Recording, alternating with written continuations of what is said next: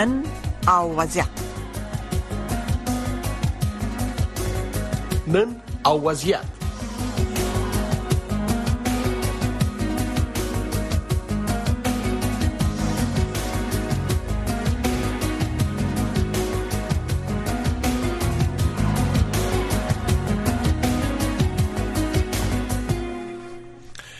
شنوندگان عزیز سلام شب همه شما بخیر حفیظ آصفی هستم و خوشحال هستم با تقدیم برنامه روایت امروز با شما هستم شنیدید که نشست گروه تماس در کابل با حضور نمایندگان کشورهای ایران، پاکستان، روسیه، چین و سایر کشورهای منطقه در کابل برگزار شد.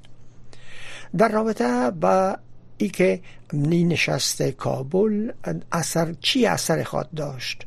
بر نشست دوها و حکومت کابل چی تصمیم اتخاذ خواهد کرد؟ بر اشتراک و یا عدم اشتراک با مهمان محترم برنامه در ای برنامه بحث می‌کنیم.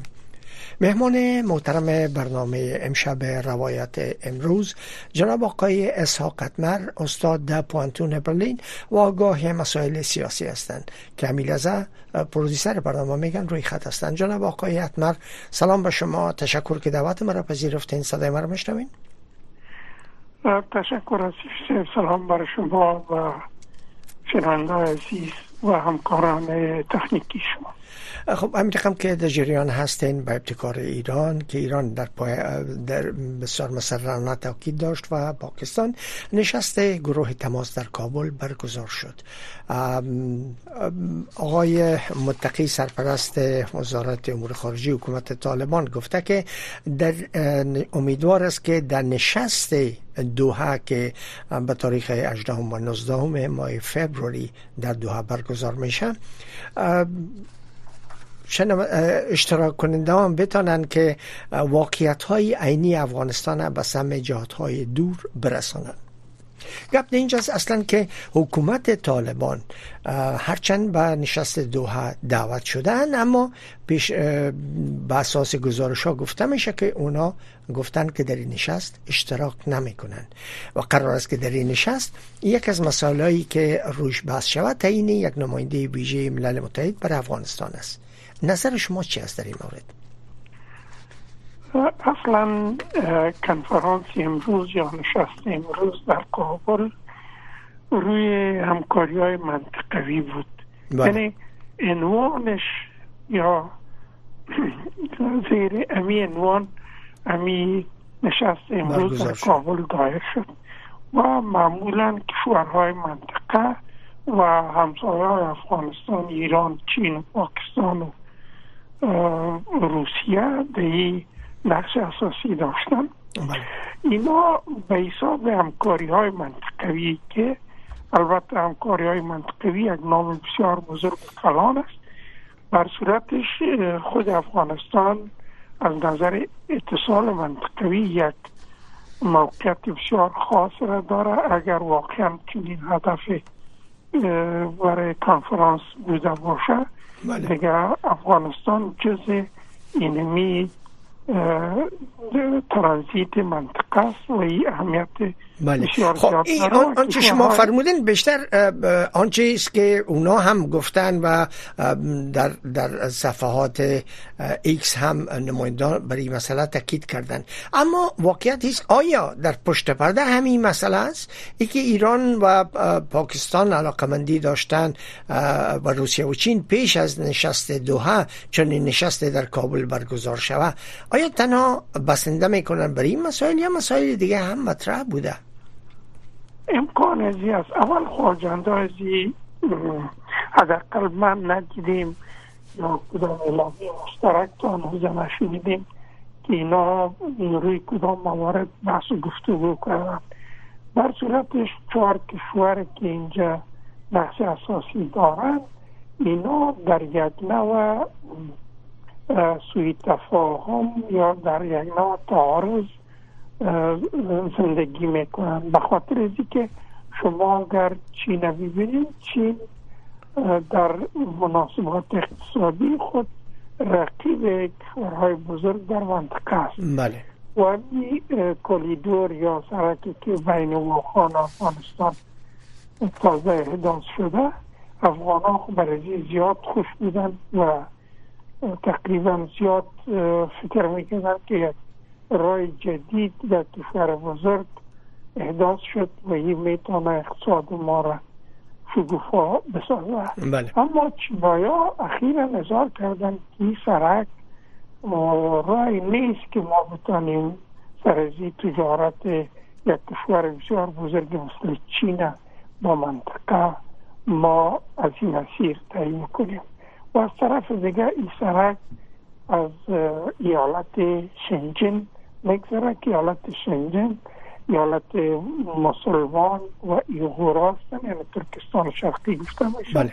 که چین از این حیراس داره که زیادتر را برش اهمیت قائل است ایران و پاکستان ما شما شاهد بودیم که در طول یکی دو هفته گذشته تا سرحد کینا یکی دیگه خود بمباران کردن براکتا زدن و امروز هم دمی جلسه اینا گفتن که کشور سالس البته نماینده سفیر ایرانی یا گفت که در پشت گروپ های افراطی که سبب تهدید بر ایران و پاکستان میشه کشور سالس وجود داره.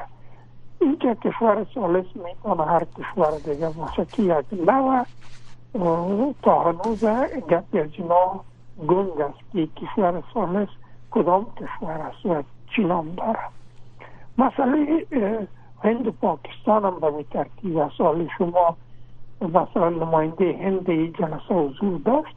بله. تضادهایی که بین هند و پاکستان است هم بسیار زیاد مهم است و هر کدام می‌خواه که به اینکه دست بالا داشته باشه من گمان نکنم که اگه این نشستیم دوزی یک دستاورد بسیار خوب داشته باشه. بلکه یک رکلام بود بر طالبان که طالبان با جهان خواستن این را بگویند که ما هم متحدین داریم که خود به اونا که ما شریک هستن. به خاطر که این به دعوت حکومت طالبان خواسته شدیم در حالی که این کشورها اینطور چیز را فکر نمی‌کنن بر صورتش امروز آقای متقی گپا گفت که ما نماینده ملل متحد و شورای امنیت ضرورت نداریم و این رد می‌کنیم. این به این معناست که اگر نشست کابل هر چیزی که باشه از اول اینطور فکر میشه که اینا مخالف نشست دوها و تصمیم های دو هستند. که این بر حکومت طالبا به عوض که یک دستاورد باشه ما فکر می‌کنم طالبا را بیشتر در یک موقف سختتر قرار میتن که اینا اگر با این مانده مخالفت کنه مسائل دیگه کمک های بشری مطرح میشه مسائل فشار مطرح میشه تا بال خود دنیا هیچ نوع فشار به طالبان وارد نکرده بله. و اگر شورای امنیت یا جلسه دوها که در او البته جامعه مدنی افغانستان نماینده زنان از افغانستان سیاسیین افغانستان و کشورهای دور و نزدیک و قدرت های بزرگ به اشتراک می‌کنه. او می‌تونه که یک یک چی باشه چلنج باشه طالبان. فکر می‌کنین که آیا طالبان نماینده طالبان در این نشست اشتراک بکنن؟ این اینجاست که آدم فکر می‌کنه اگر چی سابق طالبایی را می‌خواستن که ما باید در هر جلسه دعوت چیم که در بله. افغانستان دایر میشه ولی ای که اینا شورای امنیت نماینده از این طالبا قبول نمی‌کنه یا مخالفت خود نشان میده این در حقیقت یک تقابل سریع و واضح در مقابل فیصله های شورای امنیت است اگر طالبا با اونجا اشتراک هم کنه به این معناست که اینا یعنی نمی‌تونن در مقابل تصامیم شورای امنیت استادگی بکنن. و کشورهای جهان مجبور خواهد بود که رای خود و طرفداری از شورای امنیت و ملل متحد و جامعه مدنی و سیاسی افغانستان جهرا بکنن. به نظر شما جناب آقای اتمر چقدر تعیین یک نماینده ویژه ملل متحد برای افغانستان می‌تونه کارا باشه؟ و آیا شما ای را مشابه به بننسوان نماینده ملل متحد می‌دانند که در اواخر دوره رژیم دکتر نجیب الله فرستاده شده بود؟ آصفی عزیز باور است که شرایط زمان تغییر می‌کنه یعنی اول افغانستان در اون شرایطی که در وقت دکتر نجیب بود نیست امروز افغانستان یک نقطه بسیار داغ است از او کدام بسیار بغرنگ است قضایا من فکر می‌کنم که خب در کشورهایی که بحران باشه در اونجا ملل متحد نماینده تعیین می‌کنه در کشور که جنگ و بحران نباشه ضرورت به نماینده نیست اینجا که امروز وضع در حالت است شورای امنیت نظر به سفارشات فریدون سناریو امو نماینده خاصی که اینا بله. رفتن شش ماه در افغانستان با افراد مختلف نهادهای مختلف راپور خود تیار کردن اینا بازدید داشتن. اینا پیشنهاد کردن که ضرور است که ملل متحد یک نماینده بر افغانستان داشته باشه. بر بنیاد پیشنهاد آقای اوغلو اینا ملل متحد تصمیم گرفت که یک نماینده بر افغانستان داشته باشه. عرض پیشتر و بود زمانی که در کشور بحران به وجود میاد ملل متحد برای که بحران مدیریت کنه برای که بتانه طرف های درگیر و تفاهم برسانه اینا نماینده تعیین می‌کنند و ما در تاریخ آخر کشور خود یعنی حدود سی سی پنج سال است این نماینده را داشتیم. اگر یادتان باشه آقای دیگه کردویز بود بینن سوان بود بله. لختر ابراهیمی بود محمود مستری بود. اینی مردم بودن که اینا در اون وقتهایی که در افغانستان بحران موجود بود. بین پاکستان افغانستان و امریکا و ملل متحد اینا در رفت آمد بودن و این پیغام ها را میرسوندن. یکی بعد دیگه امروز ما فکر می‌کنم یک ضرورت از بخاطر که یکی که زبان حکومت فیلی با دنیا یا مو فکر از اینا با دنیا شریک شد و طالبا ایره جدی درک بکنن که دنیا از چی می‌خواه. ما فکر می‌کنم ولی طالبا یک مشکلی که دارن. اینا خواستای دنیا را یا به زبان دنیا را نمی‌فهمند بله. و اینا فکر می‌کنن چیزی که ما میگیم درست است. دنیا مجبور است که با تعامل کنه. ما مکلفیت نداریم. و, به نظر شما چنین یک, یک موقف تا چی وقت می‌تونه ادامه پیدا بکنه؟ ما عرض میست که یک موقف خودکشی است ببینید طالبا باید از دوری اول خود درس کافی گرفته باشند اینا به خاطر نسپردن اسامه بن لادن اینا 20 سال افغانستان میدان جنگ بین ناتو بین امریکا و بین خود ساختن. صدها هزار انسان کشته شد افغانستان بمبارد شد. مادر بمها اینجا استعمال شد و مردم به بدبختی های گوناگون دچار شدند علتش اینمی سیاست غلط طالبا بود. این هم عرض است که طالبا باید به اوش میان باید که تک بکنن که این مذاق نیست. و این فرصت طلایی که تا هنوزم به دست از ایناست ما تو فکر می‌کنم که فرصت های طلایی را طالبا ساز دست داده میرن. اگر این تو فکر بکنن که ما یک گردوی بسیار منظم داریم سلاح و تجهیزات داریم امروز اینمی اردوهای بسیار کلان کلان و تجهیزات بسیار کلان کلان یا حملات انتیاری اینا دیگه کارساز نیست. ما در غزه می‌بینیم. اولا شما جنگ غزه را می‌بینیم که چی جنگ مصیبت بار و خانوان سوز است کس به کس رحم نمی‌کنه. درست است که شورهای بزرگ میگم که ما حقوق بشر را مراد می‌کنیم. ما به بشر به انسانیت احترام می‌گذاریم. لیکن جاش که بیا بسیار بیرحم هستن. هیچ رحم نمی‌کنن. هیچ چیز وجود نداره پیش از اینا بجز منافع خودشان.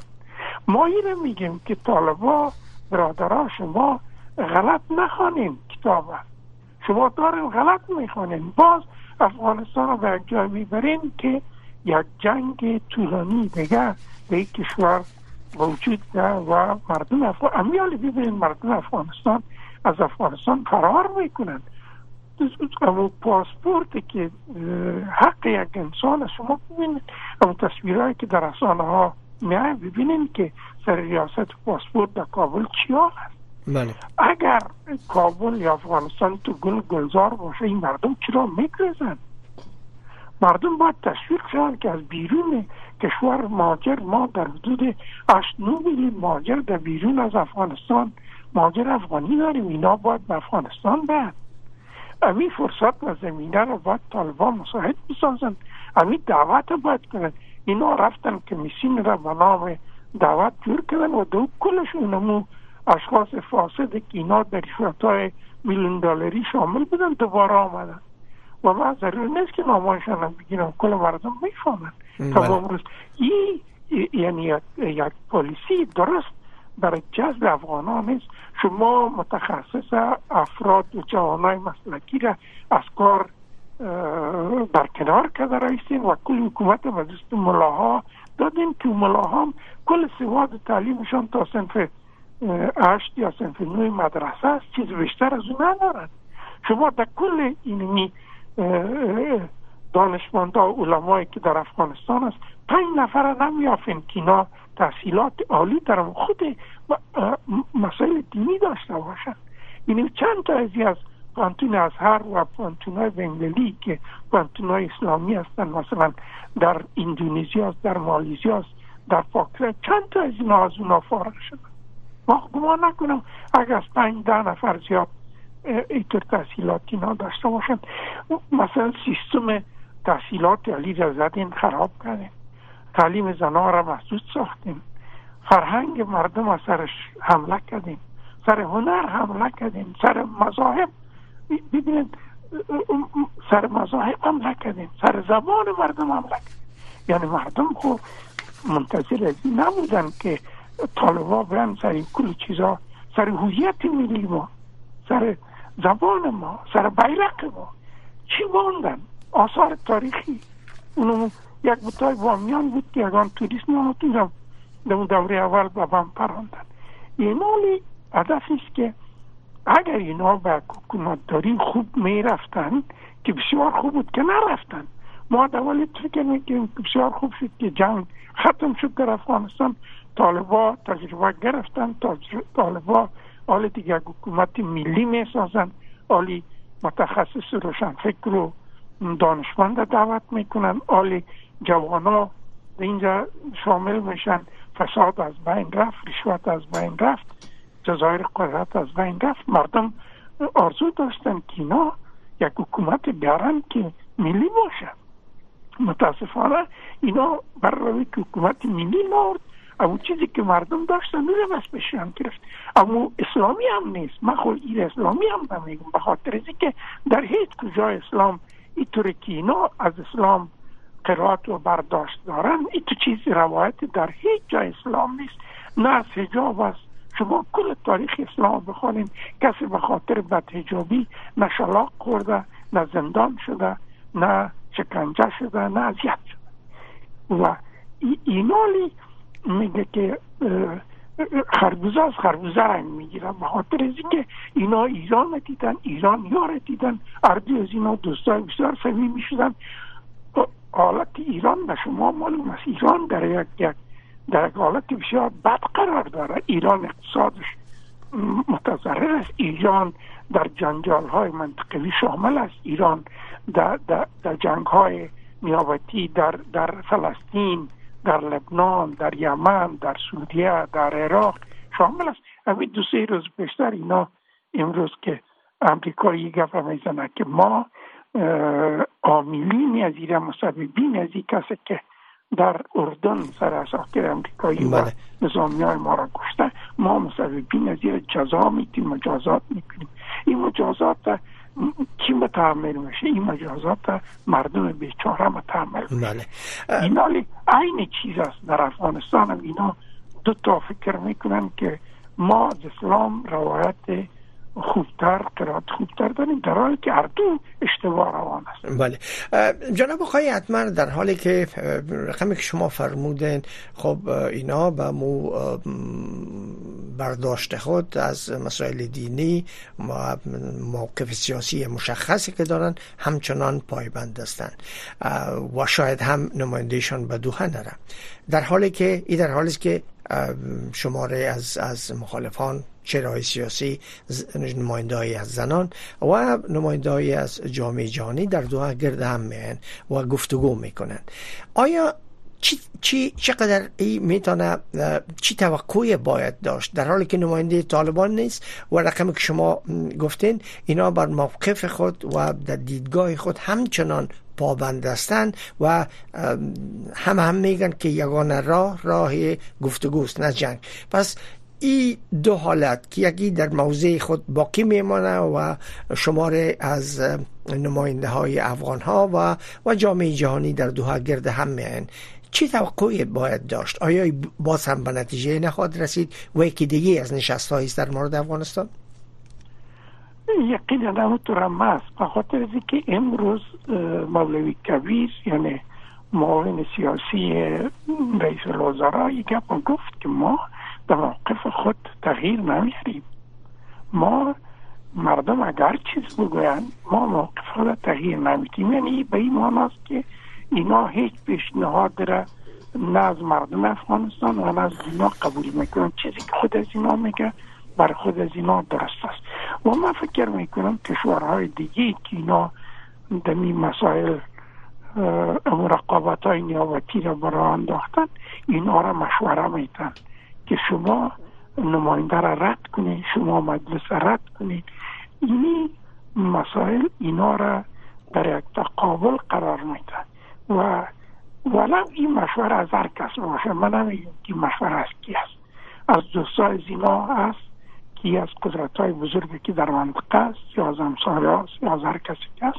منتها پاکستان هم از یک دید دیگه داره. پاکستان می‌خواهد که باز یک پروژه امنیتی در اینجا بگیره. شما اظهارات اخیر رئیس ارتش پاکستان دیدید؟ بله. که ما زندگی یک پاکستانی رو به کل افغانستان نمیتون یعنی کل افغانستان رو تباه می‌کنم. و این اعلان یک جنگ دیگه هم یا جنگ دیگه از در منطقه. ما فکر می‌کنیم گپ از بسیار معنای خراب و خطرناک داره. اینا آمادگی برای امسازی منطقه می‌گیرن. ما همیشه یک با گفتیم در طی دو سال دو نیم سال گذشته که منطقه یک آرامش قبل از طوفان داره. و این آرامش قبل از طوفان تا آخر نمیمونه. طالبا باید امی آرامش به اصطلاح دایمی بسازن و ایره کوشش کنن که اینا جز برنامه های سیاسی دیگر کشورها و رقابت ها نشوند. متاسفانه که گپار کم میشنوند.